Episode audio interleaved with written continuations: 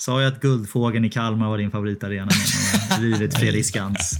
Falcon alkoholfri arena i Falkenberg är min. ja, den är otrolig. Ändå.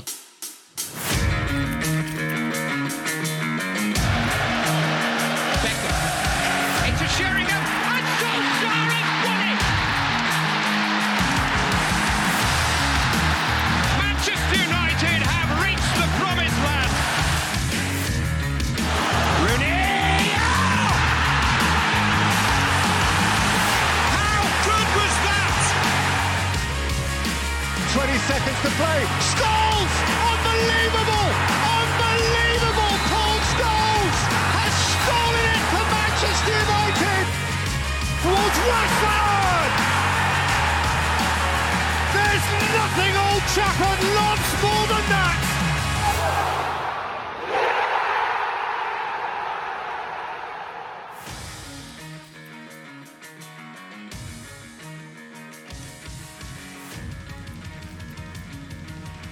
Jajamän, ni klickade rätt ännu en gång. I lurarna är det United-podden som ljuder.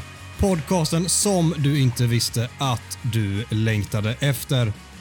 United-podden görs i ett stolt samarbete med både den officiella supporterklubben MUS och United-redaktionen på Svenska fans. Marcus, Mackan, Macke, vad du än heter så är du äntligen tillbaka. Det har varit tråkigt utan dig. Ja, men det kan jag tänka mig att det har varit. Det har varit tråkigt att lyssna på också. nej, nej, jag skojar bara. Det har varit jättekul att lyssna på er killar. Men det är kul att vara tillbaka också. Hur lirar livet utanför United-misären? Vet du vad? Det är, eh, det är faktiskt bra. Det var ehm, golfpremiär här i fredags eh, förra veckan, så nu... Eh, jag utlovade en mer harmonisk och, och lycklig Marcus här framöver i podden, men jag vet inte om jag står fast för det efter, efter gårdagens resultat. Men Har du eh, annars är det bra. det menar du? Ja, typ alltså. Det var det. Ja, men vi fick ju, jag gissar att hela Sverige haft, jag bara förutsätter att det har regnat i London, men här har vi haft dunderväder och ett super, supervår ju. Ja, man, man blir ju, det blir ju lättare liksom. Det blir lättare att ta sig upp ur sängen och blicka fram mot en, mot en solig dag här i Göteborg. Då, Ja. då mår man bra. Ja, det är skönt att slippa det här jävla lunket som är på vintern när det är kolsvart hela tiden och det bara är snöar, gör det absolut inte regnar och slaskar, typ. Nej, fy fan. Det är trevligt att prata väder, eller hur? Gustav, Gurra, Gugge. Du älskar det där sista smeknamnet va? Ja, tack för den. Tack för den.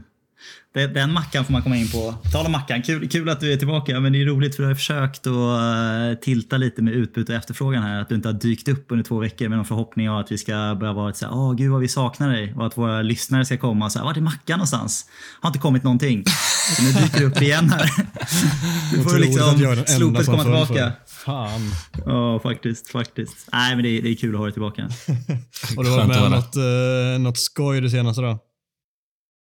Ja, eh, det har inte varit så himla mycket skoj. Men det här är, det här är veckans höjdpunkt nu för tiden. Jag har börjat ett, börjat ett nytt jobb här förra veckan efter att ha varit ute och, och rest och slappat här i början av året. Så nu är, det, nu är det full rulle med det. Så då blir det här liksom veckans, veckans höjdpunkt. Och när jag säger nytt jobb så är det alltså förutom att man är chefsredaktör på United-redaktionen så har jag även ett litet sido, side hustle som man säger. Din stora inkomstkälla är jag ju såklart eh, Svenska fans United-relation. Sponsorintäkterna, klicken på Svenska fans, precis. Men jag har lite sido, sido sån här, bara sån här hobbyprojekt som jag gör eh, inom, inom finansbranschen här i London. Har du, har du jobb uppåt öronen då, nu då eller?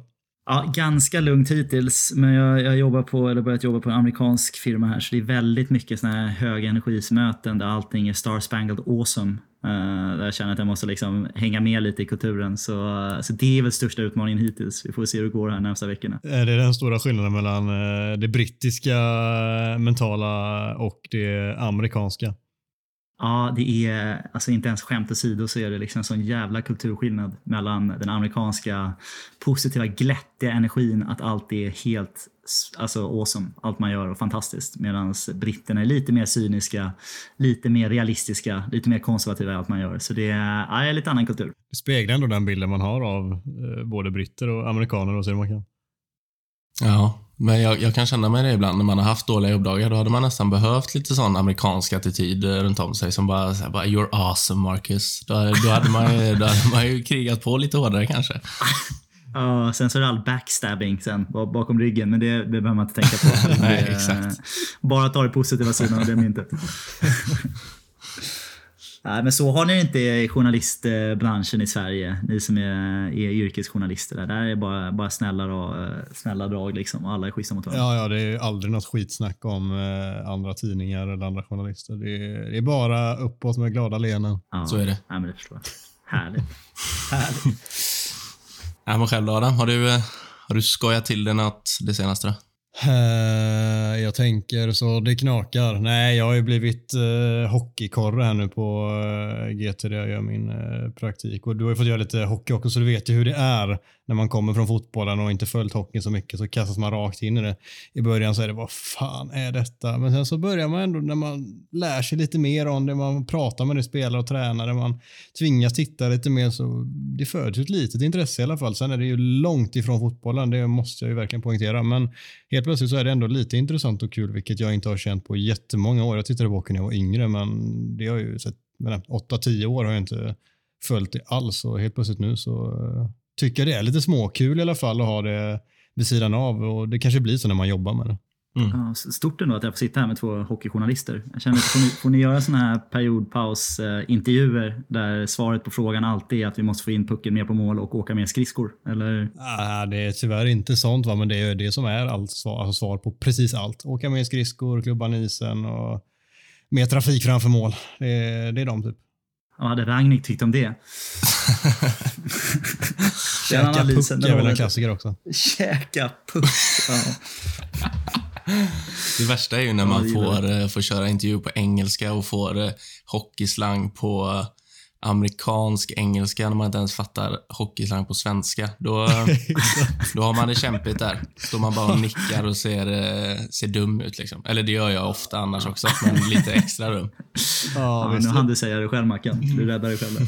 Detta flyger halvbra när jag inte kommer ihåg vilket ord han använde, men jag intervjuade Ryan Lash för ett tag sedan. För de som inte har koll på honom så är det en av eh, SHLs absolut största stjärnor och spelar i Frölunda och jag pratade med honom nu förra veckan och det var exakt så. Han, vi stod och pratade där och jag bara stod och hoppades på så här, snälla säg inget konstigt ord som jag inte fattar. Liksom. Så kom det något ord och jag bara, precis som du säger, bara nickar och ler och ser glad ut och hoppas att det bara spelas över liksom. Och så får man försöka söka upp det i efterhand och hitta vad det är.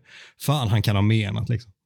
Nej, fake it till you make it. Det är, det är mottot i livet ändå. Så det är bara att Ja. fortsätta köra på. ja. Helt rätt. Helt Både rätt. i och vid sidan av arbetslivet. Så är det.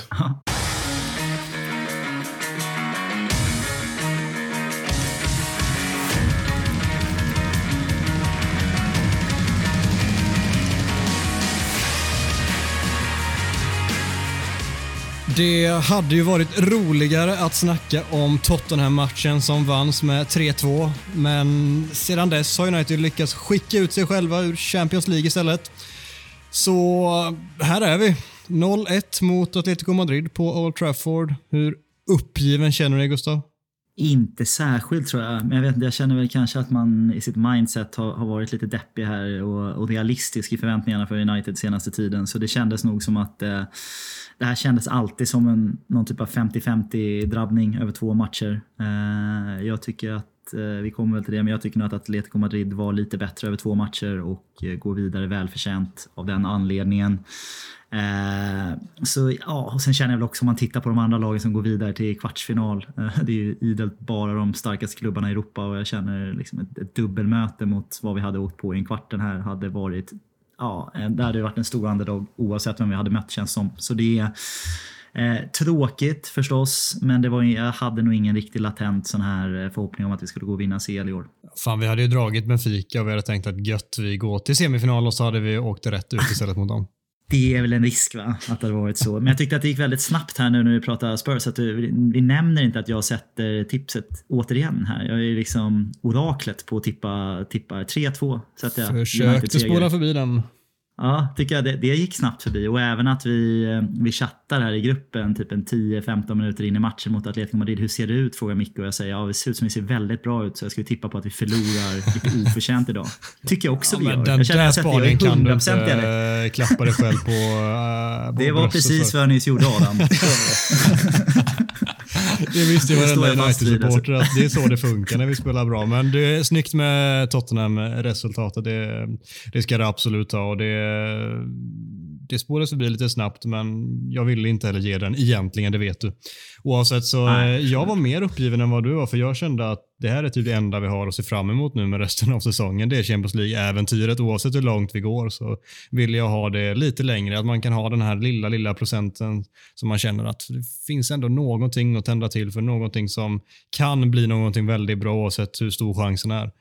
Och Därför var jag jävligt besviken efteråt, för det kändes som att säsongen är fan med över nu. Vad, vad ska vi spela för på riktigt? Så här, ja, det finns en matematisk chans att vi kan ta en Champions League-plats, men vi alla vet att vi kommer inte göra det det. Mackan kan sitta där och säga att vi kommer lösa det, för Arsenal kommer... Nej, det kommer de inte Mackan. Det kommer inte ske.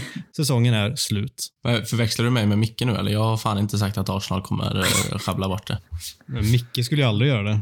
Du sa Så väl det för typ två, tre avsnitt veckor sedan? Mackan. Nu är ni samma person. Alltså. Det, Ja, jag- det, nu känner jag mig påhoppad här igen som när jag inte var med förra Ah. gången. Det blir, det blir eh, ord som eh, tas ur fel människas mun och det uppskattar jag inte. Ja, det är bra. Men jag kan, eh, jag, jag kan ta Mickes roll annars. Jag, jag tror att vi har, det finns fortfarande lite chans. Men problemet är att vi vinner inte sju av nio matcher här på slutet. Väl mer, vi, vi faller på egret. Men jag tror att Arsenal kommer tappa, tappa poäng. Så att det står härliga till här. Så Du tror det? den matematiska möjligheten kommer finnas. Ja, men det tror jag. För jag tänker ändå så här, de har tre matcher mindre spelare än oss är det väl och ligger före oss i tabellen. Det är rätt kämpiga siffror. Men det där är, det där är sådana nybörjarmisstag. Att ge Arsenal nio poäng när de har tre Nej, det ska vi inte göra. än räcker att de vinner en är så liksom- löser vi det inte. Liksom. Ja, nej, precis. Men det är ungefär vad de kommer göra tror jag. Och sen så har de ett par, ja, de har en del tuffa matcher. Men som sagt, jag tror att problemet är snarare hos oss att vi inte vinner sju och spelar en oavgjord. Utan eh, vi har väl en sån där tre, tre segrar i oss på nio och tre oavgjorda och tre, tre förluster. Liksom. Ja. Normal distribution. Ja. Ja, var du eh, deppig igår Mackan eller var du förberedd på detta och satt neutral där och eh, tog dig en eh, Coca-Cola efteråt? Jag vet inte, det, alltså... Känner väl mest bara vilken pyspunka liksom. Det, alltså första 30 är ju faktiskt bra och då börjar man ju någonstans bygga upp något falskt hopp för sig själv att fan, det kanske går ikväll ändå. Och så droppar ju Gustavs meddelande in där på, på WhatsApp och man bara, ja, så är det. det bara, jag bara fick en sån, Gust, jag, jag ger ändå Gustav den lilla punkten där, att han, han fick mig att öppna ögonen och bara, ja, nu kommer ju, kommer ju 0-1 här vilken sekund som helst. Eh, så när 0-1 kom, jag, jag hade typ gett upp redan då alltså. Eh, och sen de andra 45 var väl bara att försöka bearbeta känslan av att vi kommer åka ut. Och, ja, det, det är bara tråkigt liksom. Säsongen är ju över nu och det är, det är ju inte askul att konstatera det i mitten av mars. Men eh, så är det att hålla på United nu för tiden. Det är det. det är, ja, vi, vi kan ta uh, veckans macka alldeles strax, här, men jag tycker det, att vi börjar prata lite om matchen här som vi har gjort. Och just andra halvlek, där, sista 45 som du nämner, det, vad, vad är forceringen? Vi har mycket boll, men vi skapar ju ingenting. Är, jag, alltså jag fatt, alltså Atletico Madrid är jättebra på att försvara lågt och har gjort det i tio år under Diego Simeone, så det är klart att, att vi inte kommer få mängder med målchanser. Men vi har en målchans i Varans nick som Ronaldo får någon retur på. Det är väl typ det. Sancho har ett skott som går närmare man, närmare man tror. Det såg ut att landa på övre etage typ först, men det var ändå kanske bara en halv meter över. Det är väl det på hela halvleken och då har vi typ 99% boll. Mm finns är ju få lag där ute som är värre att, att spela i 1-0 underläge mot än Atletico Madrid. Det här har de gjort så, så många gånger. Så precis som Mackan säger, där, när det där 1-0 målet kommer så vet man att nu, eh, nu är den här matchen precis där Atletico Madrid vill ha den. Och eh, lika bra som det passar Atletico Madrid att få ligga och, och bevaka en 1-0-ledning, lika, lika illa passar det ju oss att försöka växla upp lite och vara lite mer effektiv på sista tredjedelen. För det har vi liksom inte riktigt i oss. Utan vi, om vi ska göra fler mål så är det när vi leder 2-0 och slappnar av lite. Men när det krampar lite så ser vi ännu sämre ut. Och det visar väl också här med de här bytena vi gör. Eh, och vad vi, jag vet inte vad vi avslutar med. 1-3-6 uppställningen. Och sån här. Det känns som någon sån här jag har något minne, jag var på eh, såg mitt, mitt lag i Sverige eh, när motståndaren gjorde någon forcering, bytte in typ andra målvakten slutminuterna för han var väldigt lång. Så tänkte jag nu ska de lyfta in bollar i boxen. Så kändes det lite taktiskt här för United. Nu, bara, nu sätter vi in alla som är lite bra på att kanske skapa chanser och göra mål och så hoppas vi att de löser saker. Men det var så obalanserat att jag tyckte att det var nästan pinsamt eh, att titta på Uniteds desperation på slutet. Mm, jag vet inte vem som skrev det, men eh, vi saknade man en Marwan Fellaini att slänga in igår. Ja, jag älskar när du citerar mig till mig. Det var du som sa det. det är ett fantastiskt bra citat. Ja, det var jag som sa det faktiskt. Jag eh, saknar Fellaini ganska ofta i mitt liv. på, på, på utanför planen känner jag att jag hade velat ha en Fellaini-figur eh, mer närvarande i mitt liv. Ja, ja, ja, jag köper det. Jag älskar Fellaini samtidigt som jag också har hatat på några gånger fotbollsplanen, men eh, jättefin. Jättefin. Oavsett så är det dags att prata lite eh, spelarprestationer. Man kan börja i den som var sämst, tycker jag. Ja, det är, jag vet att han bara spelar 25 minuter, men det är, det är inhoppet som Rashford gör igår. Jag vet inte.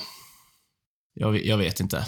Micke väl, brukar väl säga att de har pjäxor på sig, men det såg fan ut som han hade två stora isblock på fötterna och han, han, han liksom, det ser inte ens ut som att han vill. Han vill bara, han vill bara hem. Och eh, dels är det synd om honom, dels förstår jag inte riktigt hans hans alltså, psykiska läge just nu. För om, det, det, ser verkligen inte ut som att han vill spela fotboll och hans inhopp igår, han gör liksom ingenting på 25 minuter som är positivt. Det enda han gör är att han slår väl bort två, tre bollar och har ett halvtaskigt inlägg som styrs ut i hörna sista som händer. Men det kanske är hårt att ge honom sämst, men jag tycker att han... Eh, nej, du ska komma in och göra någonting. Då ska du fan visa att du vill. Inte, inte stå ute på en kant och lalla och ge bort bollar. Så eh, nej, han var sämst tycker jag. Nej, jag tycker bara alltså, inte, inte hårt alls, utan uh, eh, jätte, jättesvag insats. Annars satt jag och tänkte på att egentligen så var det ingen som var jättedålig igår. Men jag, tycker, jag vet att Telles har fått lite skit om man säger att han är den sämsta vänsterbacken någonsin. Jag, jag köper inte riktigt det narrativet, men jag tycker framförallt att han tillför väldigt mycket med sin vänsterfot uh, offensivt. Så jag tycker att det, det hade varit hårt, utan Rashford är ju i särklass sämst just nu och det gör ju så ont att säga den meningen eftersom att vi alla vet hur mycket vi, vi gillar hans gärning och United-hjärta utanför planen. Men det är ju ja, skrämmande att se att man är så i extremt dålig form och dålig slag som han är just nu. Det finns liksom ingen botten på hur, hur dålig han är. Man tycker att det, såna offensiva yttrar kan vara lite, ja, det kan vara lite vanskligt, gå lite upp och ner om man är i bra form och då sitter allting och sen är man i lite sämre form. Men det är just nu, liksom, han kan ju inte dämpa en mjukglass. Liksom. Är, han har ju så dålig liksom, bolltouch så det inte finns. Liksom, ingenting funkar just nu. Misslyckas man med 100% av sina aktioner, så oavsett om det är 25 minuter eller 90 minuter, så är det ju såklart eh, inte fel att argumentera för att man ska vara, få betyg som sämst i United. Så jag köper det helt och hållet och jag tycker det är så jävla beklämmande hur Alltså han ser ju inte ut att må bra. Han ser, det ser ut som att det är någonting där. Alltså det måste vara någonting mer än att det går jävligt dåligt på fotbollsplanen. Det måste finnas någonting där bakom. För jag personligen har knappt sett något liknande på en spelare typ någonsin. Alltså, som, som, där man tidigare i alla fall har sett någonting helt annat. Att det bara vänder och blir på det här sättet. För mig är det helt oförståeligt och oförklarligt. Så det ska bli intressant att höra om den här perioden i hans liv om ett gäng år när han pratar om det, för det lär väl inte komma den närmaste tiden. Men man kan tänka sig att man får en, någon form av förklaring på eh, hans välmående eller situation generellt vid den här tiden av livet eh, så småningom. Så det, det ska bli intressant att höra, för någonting är det där bakom. Alltså det vågar jag nästan lova. Man får, man får lite eh, Lingard-vibbar där under... vilken säsong är det? När han har varit jäkligt bra ett ganska bra tag och sen bara, bara faller genom jorden liksom och försvinner från i stort sett ingenstans. Det är lite samma vibba nu med Rashford och det har varit ja, hela den här säsongen och även ganska mycket av förra säsongen också. Så det är, mm det är jäkligt Och där pratade ju Lingard ut om sin mentala hälsa, att, det är liksom att han mådde psykiskt dåligt. Uh, och det kanske är något sånt för Rashford. Vi ska liksom inte slå fast någonting för det är bara spekulationer, men det, det påminner faktiskt om det uh, förfallet som vi kan kalla det, som Lingard stod för under, under den säsongen. Och det tog ganska lång tid för honom att återhämta sig från det. Verkligen. åkte väl dit på något, jag vet inte om har sett det här igår också efter matchen, att någon var framme med kameran utanför Old Trafford. Jag, jag, har inte sett något rörligt material, men bara någon som påstår sig då återberätta att man har, eh, att det har ropats mot honom att han gjorde en jävla skitinsats och har väl ganska aggressivt gått till någon motattack med ganska fula ord. Då, liksom, kom hit och visa ditt ansikte och eh, en kavalkad av svordomar på det. Så det verkar ju uppenbart som han inte riktigt är i balans. Va? Så det är ju, ja, man hoppas ju verkligen att han kan vända det här. Ja, och han har ju gått ut och adresserat detta i sociala medier också efteråt. Han eh, förklarar liksom eller snarare så här, bara ber om ursäkt och berättar hans vinkel och hans syn på det hela egentligen. Uh, och han agerar inte bra, men cred för att han ändå kommer ut på något sätt och ber om ursäkt för det och eh, inser att det inte var bra gjort och sen så eh, förklarar han ju också liksom sättet som han har mottagits i sociala medier, på arenan, runt om arenan, var han än befinner sig eh, de senaste månaderna så har han fått höra ett och annat som förmodligen är ännu, ännu värre än vad man nog kan tänka sig. Och han förklarar liksom mm. hur svårt det är att hantera det. Och Då säger folk att ja, så är det för alla fotbollsspelare, men folk tror typ att fotbollsspelare är robotar som inte har några känslor överhuvudtaget. Och helt plötsligt rinner det över. Det var fel att låta det rinna över. Men någonstans kan jag känna lite och ömma lite för honom att det slutar som det gör. Och med det sagt vill jag inte försvara att han liksom går fram och skriker elaka saker och säger kom hit och säg det till mitt ansikte och sådana grejer. Liksom. Men eh, det, det går att ha viss förståelse. Hur tänker ni? Absolut, men eh, jag tycker också det är... Eh, alltså jag kan fatta att man som supporter är jäkligt besviken och irriterad på spelares insatser och och uppträdande på planen under, under vissa perioder. Men jag, jag tycker fortfarande att det är, om det nu stämmer, vilket jag förutsätter att det gör, det han skriver, att det är, det är personal abuse och det är ditten och datten. Alltså, det finns också gränser liksom vad, man, vad som är okej. Okay. Och jag kan... Alltså jag köper, jag köper Rashfords reaktion nästan till 100 procent. Alla människor har en bristningsgräns. Igår kanske den kom för han också. Så nej, jag, jag tycker väl inte att reaktionen är okej, okay, men jag förstår den till 100 procent. Ja, man ska det är så en... jävla, förlåt, förlåt att jag avbröt dig Gustav, men det är, jag måste bara säga, det är så jävla...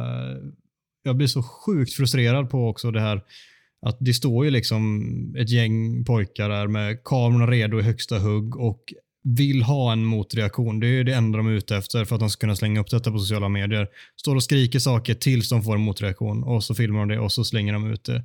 Och det tycker jag är fan ännu vidare alltså. Nej, men ser det jag skulle komma till här med lite Englands perspektiv är att en, en extra respekt jag har för honom det är att det är ju alltså, svart, alltså svarta spelare har, får ett helt annat tryck på sig här än vad, man, än vad vita spelare får. Och jag tänker i viss mån med när, de här straffmissarna som var i eh, EM-finalen. Tre unga, unga svarta spelare, eh, Sancho, Rashford och eh, Saka. Eh, som, alltså de får skit i en helt annan grad än vad en, eh, ni som minns era engelska straffmissar med David Batty eller Stuart Pearce eller diverse vita spelare som har missat straffar genom åren får. Eh, så jag kan ju också jag kan se hur frustrationen rinner över för, för den här typen av spelare. Och faktum är väl att för Rashford att han har väl inte riktigt, har inte riktigt haft några bra stunder den här säsongen överhuvudtaget. Ända sedan han kom tillbaka från EM tänker jag. Så det kan ju hobbypsykologen i mig tänka att det kan vara att eh, han har tagit det där hårdare än vad vad man tror kanske. Mm. Ja, det enda positiva jag kom på just nu, han har gjort något mål, liksom sådär, bland annat ett snyggt borta mot Brentford och sådär, men det enda han avgjorde någon match hemma sent, eh, jättesent på tilläggstid, var det eh, West, West Ham hemma? Ja, mm. West Ham ja. Eh, det är väl typ det. Och så här, och det är inte ett försök att försvara hans prestationer i säsongen, långt ifrån. Men det är det enda vi har. Liksom. Det är väl undantaget som ja, då trodde man nu vänder det. Regeln. Ja, men det gjorde man ju verkligen. Man trodde att det skulle vända, men nej. Det, fruktansvärt dåliga prestationer av honom är väl det vi kan eh, landa i och eh, tråkigt efterspel också den här, eh, den här gången som tyvärr så många gånger förr. Verkligen. Mackan, vem var näst bäst om vi ska börja prata lite positivt, vilket är svårt när vi åkt ur Champions League, men vi ska också hylla de som hyllas bör.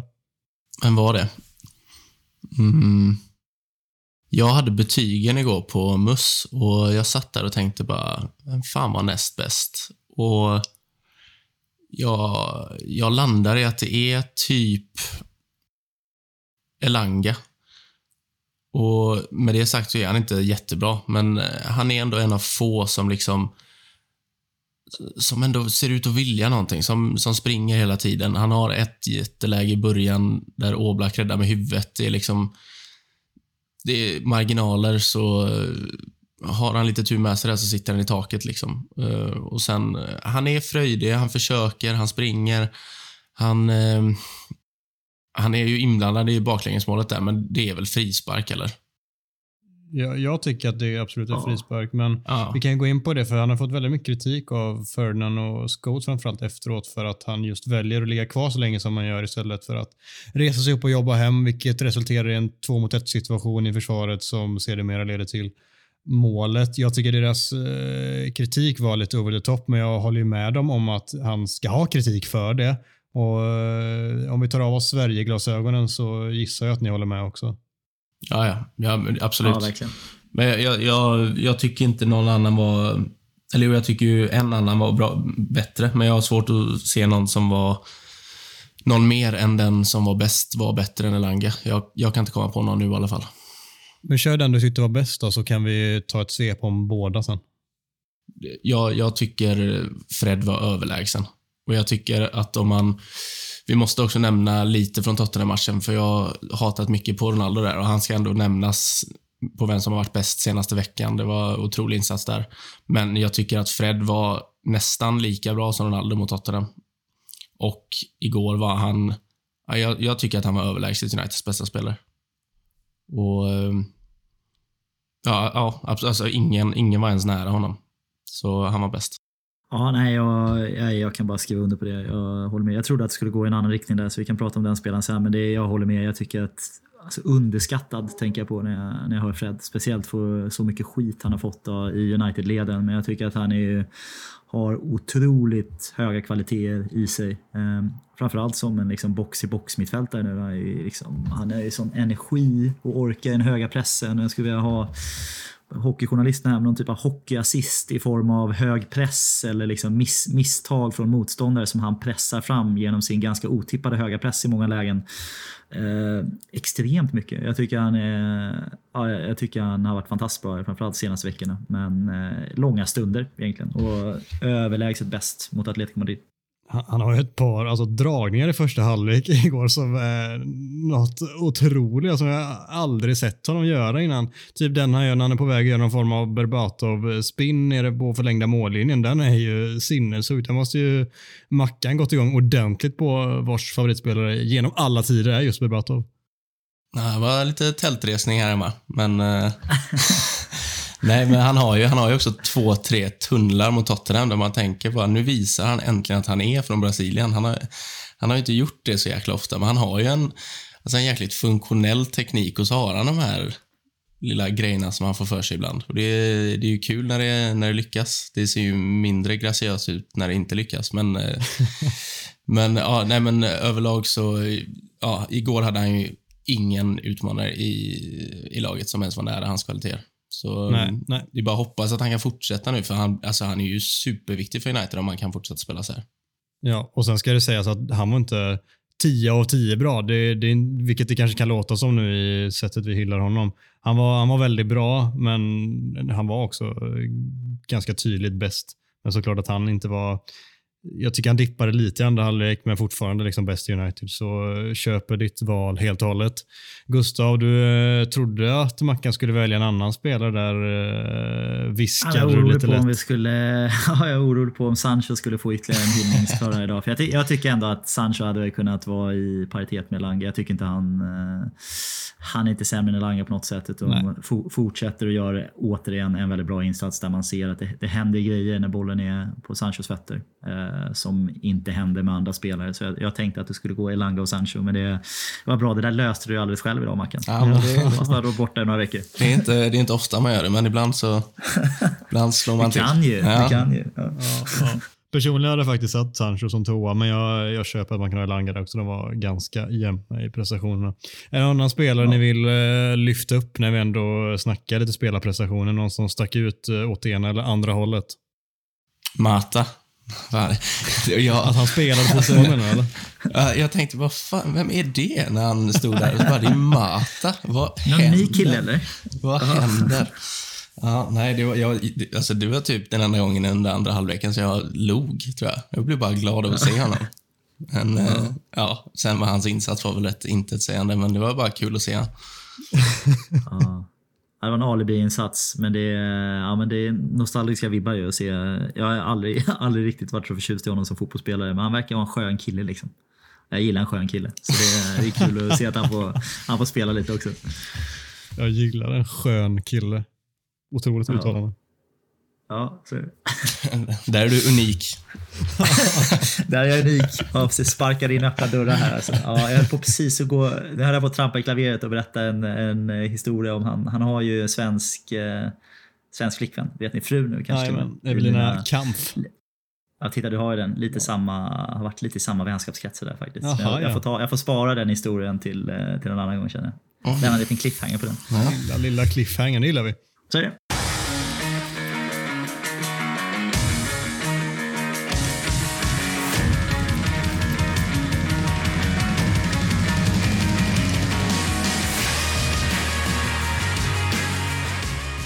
Suck C-segmentet Talk of the Town är återigen tillbaka med fem påståenden med aktuella ämnen som vi helt enkelt diskuterar huruvida det är sant eller inte. Första punkten för veckan lyder det är den sämsta säsongen sedan Sir Alex Ferguson lämnade. Och eh, ni som har lyssnat på våra avsnitt eh, känner givetvis igen denna. Marcus, du slängde in den. Förklara ditt resonemang. Allt som efter säsongen har gått så känner jag mig lite mer som Roy Keane för varje dag. typ. Jag, blir liksom, jag, jag, blir, jag blir upprörd åt grejer som jag kanske inte borde bli så upprörd över. Jag vet inte. Typ att en spelare inte. värmer upp med handskar för att han är mittback. eller? Precis, precis vad jag skulle säga. Jag, jag såg det klippet Ja, i förlåt, söndags och, kände, och jag kände bara så bara, fy fan, varför, varför tycker jag att det typ stämmer? Men det, det är ju helt, det är helt absurt sagt av honom. Det är helt sjukt, men det är kul för jag, jag kan typ känna igen mig lite. Men jag, jag tror att jag känner så här för att i augusti när säsongen skulle starta eh, så jag vet inte, men det är första gången på riktigt länge som jag känner bara, fan det här kan nog, det här kan nog bli riktigt bra. Alltså. Det, det kan bli riktigt bra. Ehm, och sen har man bara liksom fått smäll efter smäll efter smäll och någonstans så finns ju det här jäkla falska hoppet som man bygger upp för sig själv. Bara, nej, nu, nu kan det vända. Seger mot West Ham var en sån. När vi hade tre raka segrar där när vi spelar, eh, vinner mot Brentford. Då bara, nu, nu kommer vi. Men så bara blir man nedslagen gång på gång och det känns som att de här slagen har bara blivit tyngre och tyngre för varje gång det har hänt den här säsongen. Och med de förutsättningarna som United kliver in i den här säsongen, med, det, med den truppen man har, med de värvningarna man gör, så jag kan inte se att någon annan säsong post Ferguson är sämre. Köper det helt och tidigare har jag argumenterat för att det finns någon säsong här och var liksom typ Mourinhos eh, sista Solsjö tar över. Den går absolut att argumentera för. Van andra är det väl, men den här har ju trumfat den nu. Och tidigare har jag också liksom haft med det här i åtanke att vi får se lite hur det går i Champions League och hur, eh, vad slutar vi? Vi har ändå haft så här i perioder, vilket har varit helt sjukt, men ändå haft lite småhäng på kanske till och med en tredje plats och topp fyra har inte känt lika långt borta som det gör nu och då har det liksom funnits utrymme till att rädda säsongen, men jag kan inte se att säsongen nu kan räddas till den grad att den kliver förbi någon av de säsongerna, utan för mig är den också den sämsta säsongen sedan Sir Alex Ferguson lämnade. Vad säger Gustav? Ja, nej men ni, initialt kände jag nog att så, här, men det här ska jag nog kunna argumentera emot. Alltså. Men ju mer jag hör er faktiskt, ju mer jag tänker på det så, så är ni nog, ni är nog något på spåret. Jag tänker också initialt direkt på Mourinhos sista och Solskärs första, första halvår eh, som katastrof. Och jag tror nog att vi spelar sämre fotboll då än vad vi gör eh, nu bitvis. Eh, det som Solskär har där är att han får ju lite, får ju lite uppsving då med sina tio förlustfria matcher, eller elva eller vad det är i början, där det bara flyter på. Så man går ändå ur den där våren med någon typ av positiv känsla. Eh, att det känns som att de där sista tio matcherna, ja men det är lite spännande ändå. United, vi är, vi är på väg någonstans. Man får lyckas gå ur med någon typ av positiv känsla. Och där skulle jag vilja reservera mig då med nio matcher kvar att kanske ändå, och jag säger inte det här för att vara överoptimistisk, men lite med lite mindre press nu från kuppspel och från att alla kanske har räknat bort oss. Att man kanske skulle kunna få lite mer fria tyglar i vilka spelare han lyfter fram här och att man kanske kan att det kanske skulle kunna vända av den anledningen av att det inte blir samma press. Och att vi kanske skulle kunna göra ett gäng bra matcher här på vårkanten eh, som ger lite positiv känsla. Men, men det känns väl ganska långt borta kanske. Men man kan ju hoppas i alla fall att det kan bli lite, kanske spela in lite, lite unga Hannibal eller lite andra spelare får, får chans att få, få lite speltid. Eh, det hade ju kunnat kännas positivt då. Men som du säger så huvudpoängen här är ju Alltså reality versus expectations. Och det är precis som du säger att när man går in i den här säsongen har jag hade skyhöga förhoppningar på den här säsongen och så dåligt det har gått. Alltså förväntningarna från förväntningarna mot eh, utfallet hur det har gått här har aldrig varit så stor diskrepans på någonsin under hela min United eh, supporterskap här på 25 år plus. Så eh, lång utläggning säger att jag håller med faktiskt. Det, det här är en av de sämsta. Om någon hade sagt liksom inför Leeds-matchen där, jag vet inte, ja, det var väl i början av augusti när säsongen drar igång, att United kommer sluta fyra, åka ur FA-cupens, vad fan var det, fjärde omgång och åka ur åttondelsfinal i Champions League så hade jag ju sagt katastrof. Och då är det ändå en fjärdeplats med där. Och nu, alltså vi kommer inte ta den. Så, ja. Jag, jag tycker att det är, det är liksom svårt att ens försöka hitta argument till att säga att det inte är det. Nej, ska man också på jag, vet, jag känner egentligen att jag bara by, sen och försöker försöka hitta något positivare. Men om man också ska lägga in här då är att så här, ja men det, hela Solskjaer-debaclet, hur hans säsong blev, att han, han blev av med jobbet på mitten. Vi har tappat en av våra största, största talanger på, på ett decennium kanske som nu är en liksom persona non grata som vi inte ens pratar om i, i poddformat. Eh, vår, vår återkommande eller återvändande liksom, hjälte som har varit omdiskuterad och kritiserad och eh, hånad bitvis för hans prestationer. Så det är många, mycket negativt. Så jag, jag vet inte, efter regn kommer solsken eller något kanske. Är, är det som är, får vara den positiva spinnen på det här? Det kan inte bli mycket sämre nu. Eller är det, är det mega-jinxen för nästa säsong? Vi får se. Så länge vi inte får efter regn kommer solskär så är jag nöjd. Titta, man behöver inte ha Micke med i podden. Det finns en ordvits här ändå. Yes. Ralf Rangnick är inte kvar på Carrington den första juni. Det känns väl jätterimligt vill jag säga. Det kanske finns något underliggande i, den här, i det här påståendet som jag inte tänker på, men det är väl ingen som tror att han kommer träna United, då kommer inte han befinna sig på Carrington. Och Sen om han har den här form av rådgivarrollen, eh, då kommer han inte heller vara på Carrington, för det kommer inte vara där han sitter. Så nej, han kommer inte vara på Carrington den första juni. Slår hål på ditt eget eh, påstående här. Jag tänker att frågan ändå är om han ska vara, kvar i, ska inte vara kvar i organisationen. Är inte det frågeställningen är? Om man tror att han lämnar helt och hållet eller? Jo, jag tror, jag tror Adam tar det för mycket billigt här. Ja, precis. Ja, Marcus, om du skriver den på det här sättet, jag tar alla sådana här påsen ordagrant. Nu, nu, ja. nu, det är kanske inte just första juni Är det inte heller, du den här gången heller? Det kan nu, nu, nu är vi tillbaka här igen på att ge Mackan skit för påståendena som kommer in bara för att jag har skrivit ner dem. Det här var en person som... Då, eh, ja. Det här kan ju vara en Micke känner jag. Ja. ja. det är hårt. Han måste Nej, lära sig att värdera sina ord och sätt han skriver på. Han får ju vara otroligt konkret och inte så jävla diffus. Men det är väl typiskt Micke ja. också. Ja, men jag tror att vi, alltså, vi, vi ska egentligen diskutera om... Vi är han kvar i klubben? kvar i organisationen överhuvudtaget. Den här, ja, tvåårskontrakt va? Är jag ute och cyklar när jag säger att han skrev på två år? Var det inte var det typ 1 plus 1 plus 1? Plus, plus. Ja, det var något 1 plus i alla fall. Så eh, det är säsongen ut som var garanterat. Liksom, och sen eh, var det väl lite oklart och ingen vet vad fan som gäller vidare. Sportslig rådgivarroll. Ja, men vad tror du om det Adam? Du får, du får väl ta den. Då. Vad tror du om att han är kvar i organisationen i den här, ja, men i stor utsträckning? Då? Kommer han ha en ledande sportslig roll för United efter den här säsongen? Jag säger inte att det 100% kommer att bli så, för det är ju såklart omöjligt att veta. Men jag tror att han kommer vara kvar i klubben eh, i någon form av roll. Sen om det kommer vara en stor och betydande sådan, det, det känns tveksamt. Alltså. Jag tror att det hade varit jätterimligt och bra att göra det. För då, alltså, det är ju där han har kanske gjort sig allra bäst också de senaste åren snarare än eh, som tränare och att han då har stenkoll på truppen, vad alla går för, vad det är för typ av spelare. Jag tror att vi hade haft jättenytta av det om han fick ha lite tyngd i sina åsikter, att de faktiskt betydde någonting, att de inte bara var en, eh, en liten notering på ett papper. Så eh, jag hoppas att han är kvar. Jag hoppas att han får en del att säga till om. Jag tror att han kommer vara kvar men att han inte kommer ha jättemycket att säga till om och sen så kommer det sluta med att han till slut lämnar för att han inser att jag får inte påverka så mycket som jag uh, skulle vilja.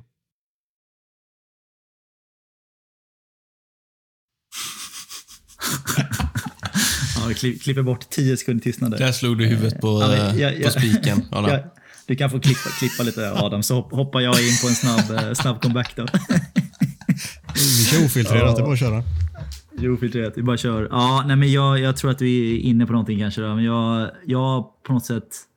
Jag vet inte riktigt. Jag, tycker, jag är inte nöjd med hans utnämning som, som interimtränare. här. Det har jag vädrat ganska, ganska tydligt. Jag tycker att han verkar, det verkar alldeles för komplicerat. Han är alldeles för okonkret i hur han ska komma in och fixa ett lag på kort tid. Vilket får mig att å ena sidan hoppas att, ja, jag hoppas att de har en långsiktig plan med honom och att eh, det vi håller på att göra nu som inte ser så bra ut är egentligen början på någonting väldigt bra som han ska vara en del i bakgrunden av. Och rekrytering med en ny tränare och att det ska bli bra för annars är det ju verkligen bortkastat här. Då skulle vi haft en Tony Pulis eller Sam Allardyce istället liksom, som kom in och skrek lite på spelarna här i, i fyra, fem månader. Så på så sätt så hoppas jag väl det att man har en långsiktigare plan. Eh, men jag tror att det blir väldigt beroende av eh, vilken tränare som kommer in, eh, som du är inne på där också. Om man ska, ja, alltså en Ten Hag känns väl kanske som att de hade kunnat kampera ihop en Pochettino känns kanske som att de hade inte kamperat ihop så mycket. är min, min gissning om man ska titta på två av de namn som är där ute. Mm, Tuchel hade ju varit som handen i handsken om vi ska ta ett tredje namn som har lyfts upp det senaste. Ja, så är det. Men jag tror, ja, som jag sa i förra, förra avsnittet, så tror jag att Chelsea har löst det där inom ett par veckor. Uh, så jag, jag, tror inte att Tuchel kommer vara, vara aktuell för United, men, uh, men det hade väl kunnat, kunnat funka kanske. Uh, men, nej, men jag tror att det blir väldigt avhängigt på vilken tränare som kommer in. ja. Alltså, jag, jag tror inte... Ja, jag vet, nej, min, min gissning är att det kommer in en tränare som kommer vara starkare än honom och att han kommer fasas ut. Han kommer säkert vara kvar lite grann, men det är men jag tror inte han kommer ha en stor roll. Så jag lutar väl mot att han inte kommer ha en särskilt stor roll i United här från efter sommaren. Jag, jag, tror ju, jag tror ju stenhårt på att det blir Ten Hag som tar över. Och jag tror att Ragnik och Ten Hag kommer fungera bra ihop. Så jag tror att, eh, jag tror att Ragnik blir kvar och eh, kommer ha en eh, hel del att säga till om i sommar. Det tror jag jag känner, ska man liksom prata vid något tillfälle om elefanten i rummet, att han kommer från Lokomotiv Moskva här. Liksom. Jag känner, det är ingen som någonsin har Ingen som har reagerat på, var, om han är så himla briljant fotbollstänkare och filosof här som alla pratar om. Liksom, vad, vad gjorde han i, varför hamnade han i Lokomotiv Moskva efter sitt, sin Leipzig-resa? Liksom? Han fick ju... Varför, varför har han blivit uppsnappad någon annanstans? Ja, det finns ju de som har tagit upp det och det är, det är ju rättfärdigt att diskutera helt klart med tanke på att han inte hamnar i en större och mer betydande klubb än så.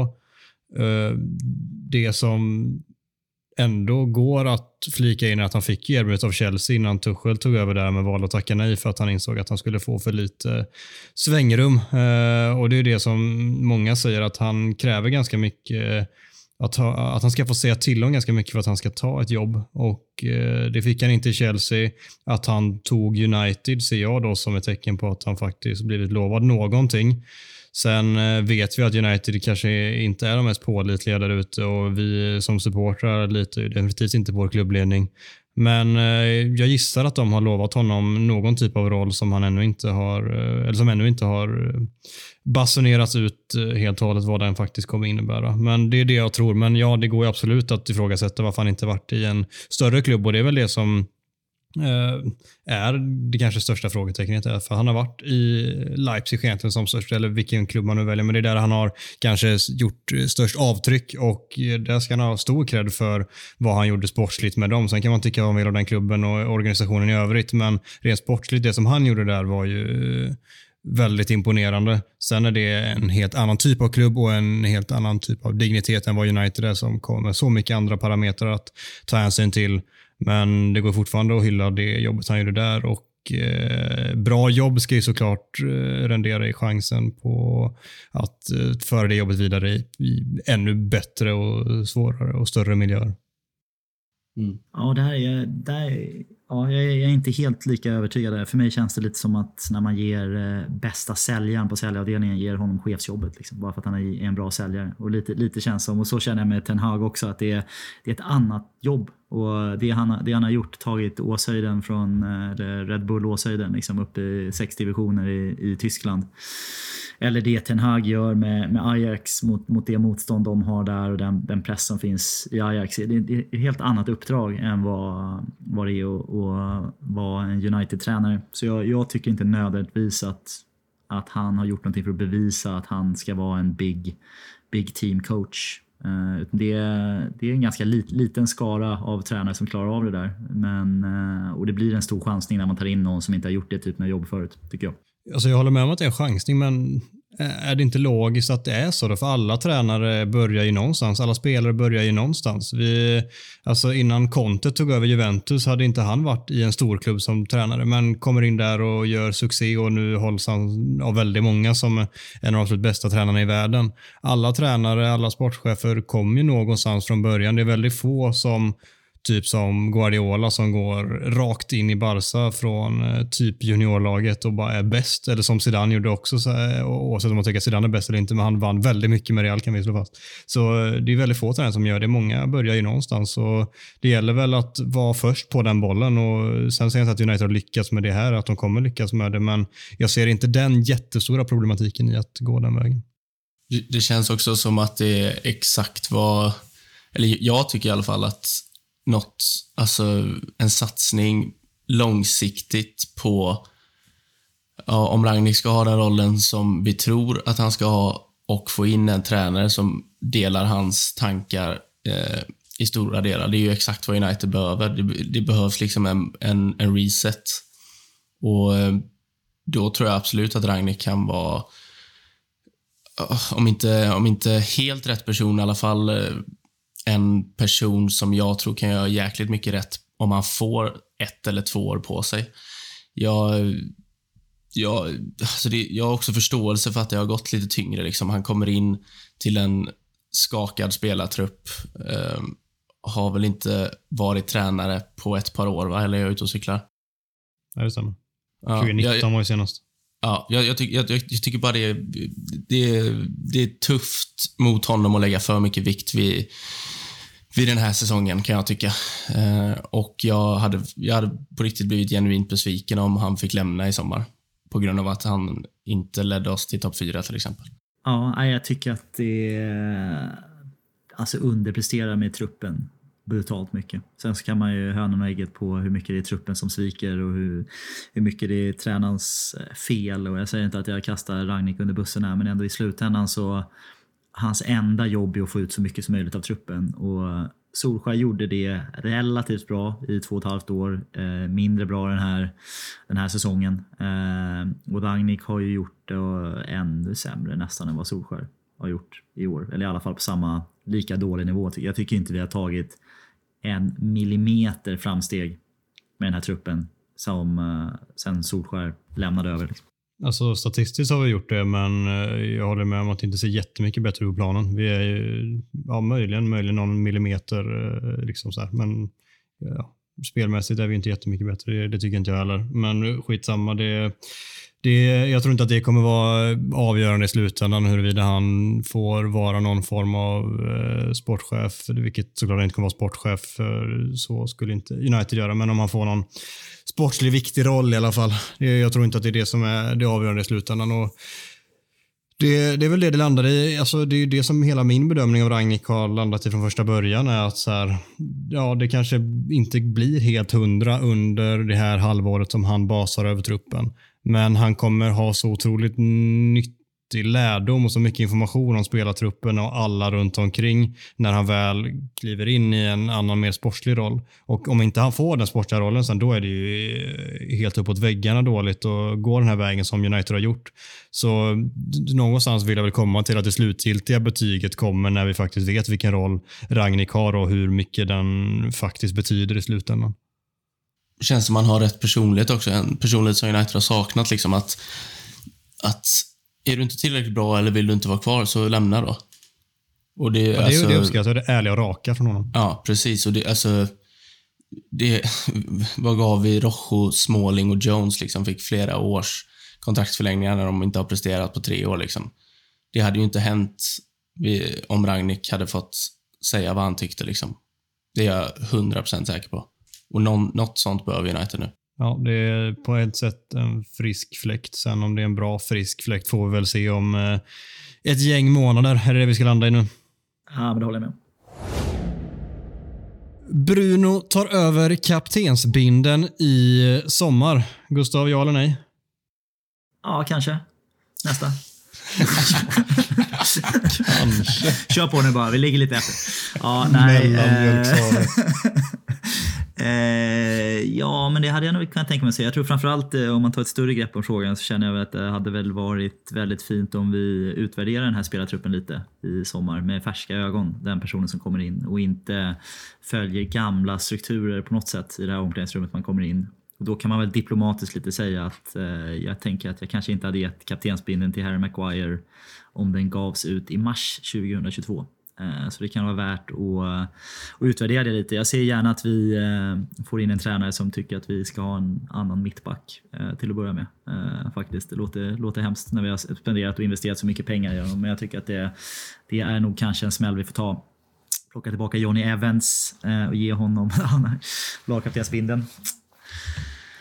Men det var tystnaden som uppstår när man nämner John Evans för, för 16 gången på 25 avsnitt. Ja, får man inget medhåll för längre. Men det är, nej men jag tror att vi... Längre?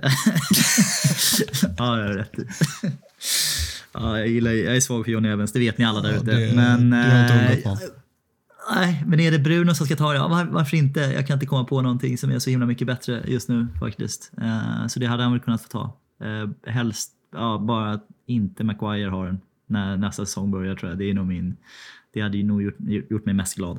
Ja, ja, vi har ju pratat om detta tidigare. Typ. Folk har ju varit eh, ganska raljanta och skrikit att han ska ryckas lagkaptensbindeln under säsongen, vilket vi har diskuterat och då tyckte jag nej, det gör man inte under säsongen. Det kommer bara destabilisera mer än vad det kommer hjälpa. Liksom.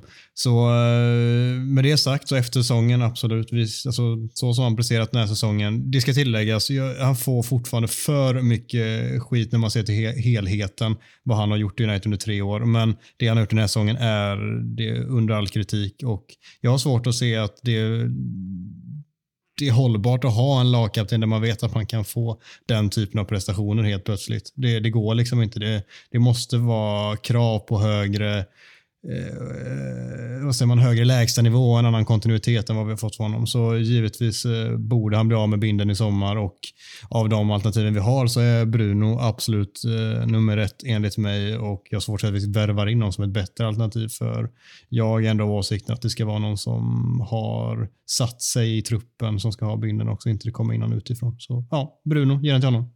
Ja, jag är inne på ditt spår där Adam. Jag satt och tänkte här om det fanns någon annan lämplig kandidat i den här spelartruppen, men jag, jag kan faktiskt inte komma på en enda spelare jag hade velat se med den binden. Om jag ska vara helt ärlig. Förutom Bruno då. Eh, så eh, han hade väl den i Sporting också innan han kom till United, så det känns ju mest logiskt ur flera aspekter, tycker jag. Vem, vem är närmast? Är det typ McTominay? Och han vet vi inte ens om han är en startspelare liksom nästa säsong. Och annars så är, är det Varan då som är liksom där och det är en spelare som har varit för kort tid i truppen enligt mig, men han har ju meriterna och eh, rutinen på sin sida eh, så sett liksom. Men nej, det, det, är svårt att hitta en genuin utmanare.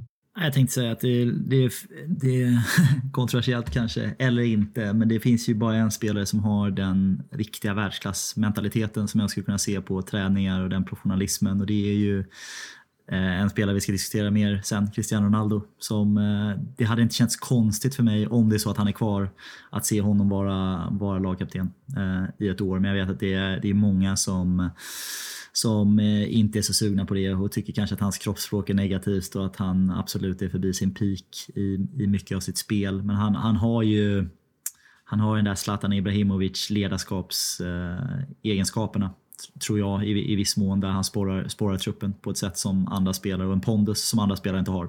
som jag skulle kunna se som en lagkapten i ett år. Alltså, det kroppsspråksbiten du, du nämnde, den, alltså, Bruno har ju verkligen, han, han har nästan blivit ännu värre den senaste tiden. Alltså, Ja, nu, nu liksom, liksom. ja, alltså han, jag vet inte, han, han beter sig som en tolvåring liksom. Går fram och gnäller och ser ut som han ska börja gråta och det är ju inte kaptensmaterial det heller liksom. Det är inte, det är inte Roy Keane-auran efter en eh, feldömd frispark liksom. Det är mer ja, Scott McTominays brorsdotters aura. Liksom. Att man ska gå fram och gråta och hoppas att domaren ändrar beslutet då. Så, ja, jag, hela, jag tycker hela kaptensfrågan är så jäkla svår egentligen. Jag landar i att Bruno är det minst sämsta alternativet, typ. Inte det bra alternativet, utan det minst sämsta. Och Det säger väl ganska mycket om vad jag tycker om den här spelartruppen egentligen. Lite de Gea då kanske?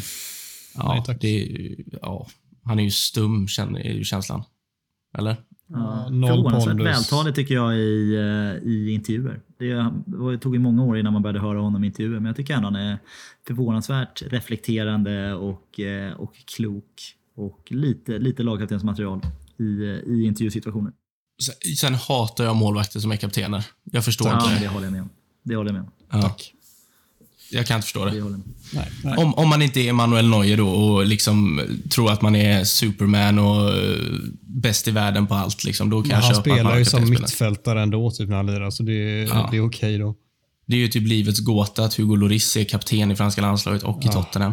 Hur Hur, går det ihop liksom? Men Ja, det är konstigt. Skit i det nu. Bruno När kapten. man har Ja. Anthony Martial. Exakt. Obegripligt. Kapitlet är över. Ronaldo bör skeppas i sommar. Och Vi kan väl uppdatera då hur det ser ut på kontraktssituationen där, för det höll vi på att röra till det innan här när vi hade fått för oss att han eh, var eh, att vi hade ett optionsval på nästa år, men det är ju faktiskt att han skrev 2 plus 1 och så han har ju kontrakt över kommande säsong också där optionsåret träder i kraft eh, säsongen efter det. Hur eh, resonerar vi här, Marcus? Nej, men som så att jag, att jag tycker att påståendet stämmer. Att jag tycker att det är dags att inse att det inte blev så bra som eh, alla inblandade hade hoppats på och att det är dags att lämna över stafettpinnen till en yngre, hungrigare och ja, bättre anpassad för United anfallare. Och eh, kanske dags för Ronaldo att blicka mot Ja, jag tänkte säga MLS, men sen kom jag på det går ju inte. Eh, men kanske... eh, vad fan går, vad går man då? Qatar? Kanske? Ja, Nej, jag tänker att han går till eh, PSG. Messi går tillbaka till Barcelona och de hittar någon lösning där för han är så missnöjd där. Och så trillar Ronaldo in i eh, PSG och ersätter både eh, Mbappés och Messis stjärnstatus. Så alla är lyckliga och glada. Gustav, in och försvara din favoritspelare. Jaha, nej det är jag inte riktigt. Men, jag- men försvara honom kan jag nog göra. Jag tycker att det, tycker att det finns unika, alltså världsunika kvaliteter i honom än idag som vi, vi har sett stundom. För, för att vara en sån katastrofal värvning som eh, det känns som att alla tycker att han är i United-kretsar så är det ju, alltså statistiken talar sitt tydliga språk. Han har ju, han har ju gjort det ganska bra. Jag, jag tycker han, har- han har ingenting att skämmas för alls, utom om någonting så han är ju den typen av spelare som han behöver ju också ett relativt välfungerande lag omkring sig. Framförallt om man ska spela nia och det gäller ju inte bara honom, det gäller ju mer eller mindre alla ensamma strikers där ute. Att man måste ju ha lite välfungerande spelare omkring sig och det vårt, vårt lag har ju kollapsat i år och jag tror att det är många som försöker ta det till någon effekt att det skulle vara just Ronaldos fel att han inte är lika stark i pressspelet och att han inte är lika rörlig eller lika bra bra i, i uppbyggnadsspelet som andra anfallare. Men nej, jag, jag tror inte det. Utan jag tror att det, det har, har med andra saker att göra och tycker att ja, det hade, jag hade varit intresserad av att fortsätta se honom ett år till. Eh, få en gradvis kanske avtappad roll. Eh, lite, lite mindre, inte behöva spela eller inte spela 90 minuter eh, alla matcher hela tiden. Eh, men fortfarande utnyttja hans spetsegenskaper som är en vinnarmentalitet och en förmåga av att dyka upp när det verkligen behövs. Eh, som är världsunik egenskap som han delar med bara kanske en handfull spelare där ute just nu. Eh, så jag, jag hade gärna sett att man försöker få, få det att funka för honom eh, i en ny konstellation eh, med ny tränare och nya spelare. Så eh, kör på ett år till. Jag tycker inte att han är problemet, men jag tycker att han är och har framförallt varit en del av problemet. Och att betala 5-6 miljoner i veckan till en spelare som är en del av ett problem, det... Nej, jag, jag gör bara inte det. Alltså, jag, jag tycker det är helt klart är dags att cut the ties med honom redan i sommar och inse att det var ett misstag att plocka in honom från första början. Det kostar för mycket för en spelare med den åldern med problematiken som finns runt om honom på alla andra sätt, även utanför planen. Jag, jag gillar inte det. Jag tycker inte att det är eh, lönt att satsa en säsong till på honom när vi ändå ska bygga om. Då är det lika bra att börja om lite mer från grunden. Att hitta en anfallare som får vara med från start, som får vara den som det byggs kring och ta det därifrån istället. Jag, jag, jag ser faktiskt inte vitsen att ha en Ronaldo som kommer vara lite grinig och sticka iväg när han inser att han inte får starta en match i, eh, för att eh, han inte anses vara tillräcklig i, eh, i pressspelet till exempel under en Ten Hag eller vem det nu är som tar över. Det, jag, då tror jag bara att det blir ett problem i slutändan. Det, antingen gör man honom till nummer ett som spelar så fort han är frisk eller så spelar man inte honom alls genom att skeppa honom och jag landar i det sista valet helt klart. Mm. Jag, jag, jag, tror att, det, jag tror att, det, det, alltså, det är det som är det viktigaste. Jag, jag säger inte heller att Ronaldo är problemet, men alltså, jag, jag är av... Alltså, jag, jag tycker ju verkligen att United måste rensa och bygga om. Och, alltså, jag sa för några veckor sedan 9-10 spelare kan lämna i sommar. Alltså, jag, jag tycker egentligen att det är upp mot 11-12 spelare som borde lämna i sommar. Och när man gör då en sån rensning, ska man då behålla en 37 år gammal anfallare som inte fungerar när laget inte fungerar och som sitter på en lön som ingen annan spelare i truppen har. Det, det, det är för mig bara dumt. Liksom. Då, då är det bättre att plocka in unga och utvecklingsbara spelare som, som kan bli bättre. Ronaldo har ju liksom pikat för några år sedan. Han kommer inte bli så mycket bättre. Fast är det verkligen så att Ronaldo inte fungerar när laget inte fungerar? Om man tittar på bara senaste veckan här liksom, när han, han gör hattrick mot Spurs i en match där jag tycker att vi inte är jättebra egentligen. Jag tycker att han är hela skillnaden och det känns som att han har varit så i 5-6 matcher eh, sen, sen hans återkomst. Så jag vet inte riktigt om jag köper att han är en sån spelare som bara funkar när allt annat klaffar. Utan jag tycker att han är ett flertal situationer dykt upp när det inte klaffar men han är, han är Ronaldo och går in och gör några sena, sena mål när det behövs liksom innan det hattricket så har han ett mål på tio matcher och bränner straffar och frilägen och öppna lägen gång efter gång. Då, då tycker jag ändå man kan vända till och säga att det, det finns en problematik där. Och eh, sen har han vissa matcher som du säger, framförallt i Champions League-gruppspelet, varit helt avgörande när laget inte har spelat bra och eh, fått in ett mål som ingen kanske tror ska kunna gå och trolla fram i det skedet. Men på det stora hela så är det inte tillräckligt för vad den typen av spelare ska erbjuda oss i dagsläget. Jag vet inte, jag tror det här, blir, det här är ju spekulation. Liksom. Det, jag, ingen av oss vet ju det här, men jag har en känsla av att han är en av de få riktigt liksom überprofessionella spelarna på, runt om i truppen. Hur han, hur han lever sitt liv, hur han satsar på sin fotboll och hur han bete sig på en träningsplan till exempel. Eh, som som har, ett, har ett mervärde i en sån här trupp. Och det känns som en, den typen av kan vinnarmentalitet och världsklass vinnarmentalitet som eh, det inte finns så många av där ute. Som, som finns ett värde i att om jag skulle ta bort fem spelare i den här truppen och lägga till fem nya spelare som kom in eh, som hade kunnat få lära lite vinnarmentalitet av Cristiano Ronaldo, även om han är lite tjurig och åker till Portugal ibland när han är 37 år gammal, som jag inte ser som något större problem egentligen, så tror jag, jag tror att det finns ett stort mervärde i att ha den typen av kulturbärare i, eh, i klubben. Men det bygger ju på min bild av att han är han är ett überproffs än idag. Eh, hur han, han sköter sin träning och hur han fortfarande i viss mån kanske står och övar frisparkar. Och i alla fall det fanns väl någon intervju där han satt och pratade att han klagade på de unga i, i laget att de inte ville vara ute med honom och ta lite tips och ta lite råd efter träningarna om att, hur de skulle kunna utveckla sitt spel. Och jag, tror att det, jag tror att han är precis den typen av kulturbärare vi, vi behöver för att, för att klara den här övergången. Speciellt om vi gör en stor växling av spelare här i sommar.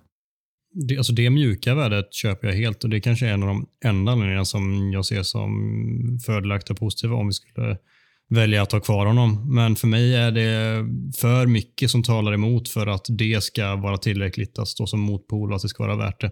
Så det är där jag landar personligen. Jag hör det. Nej, jag, Jag jag, jag köper också vad du säger Gustav, men det... Eh, jag, alltså... Jag... Eh, det är inte så att jag hade eh, börjat gråta om han var kvar i augusti, men jag hade samtidigt känt att det var nog nu det var läge att bli av med honom. Både, både för hans skull och för Uniteds skull. Jag, jag, tror inte, jag tror inte att han känner sig superlycklig över att han ska ge 2 plus 1 istället för 1 plus 1. Liksom. Jag tror han gärna också eh, går vidare i sommar, faktiskt.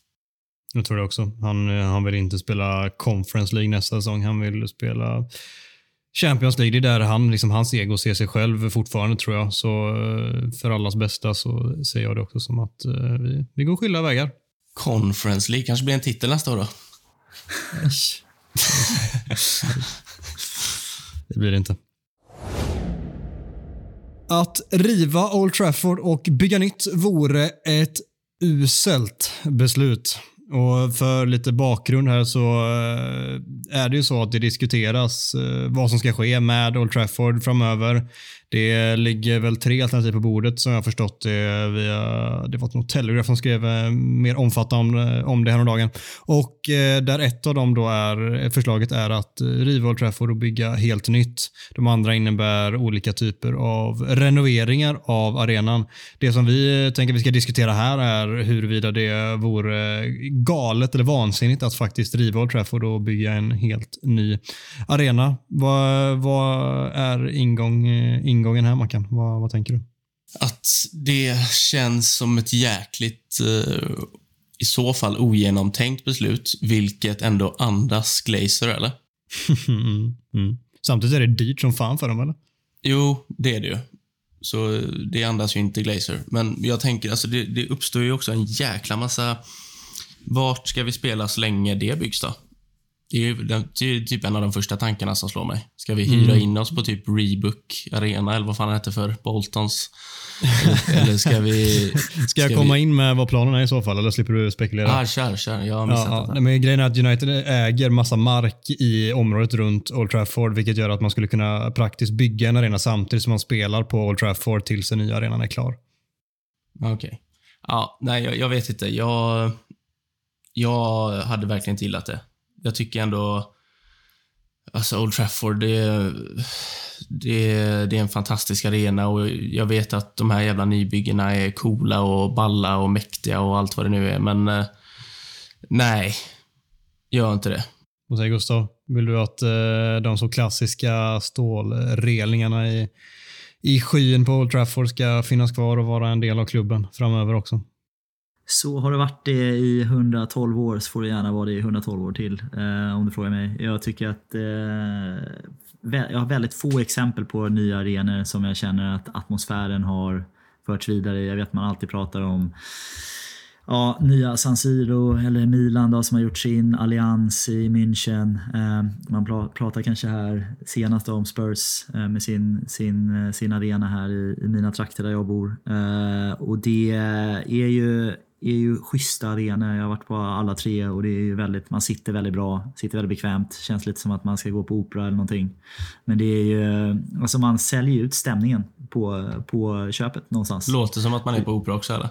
Låter som att, ja, lite så alltså. Så det, det nej jag, jag tycker aldrig det blir bra. Jag föredrar, jag förstår komforten av Friends Arena men sitter hellre och trängs på Råsunda.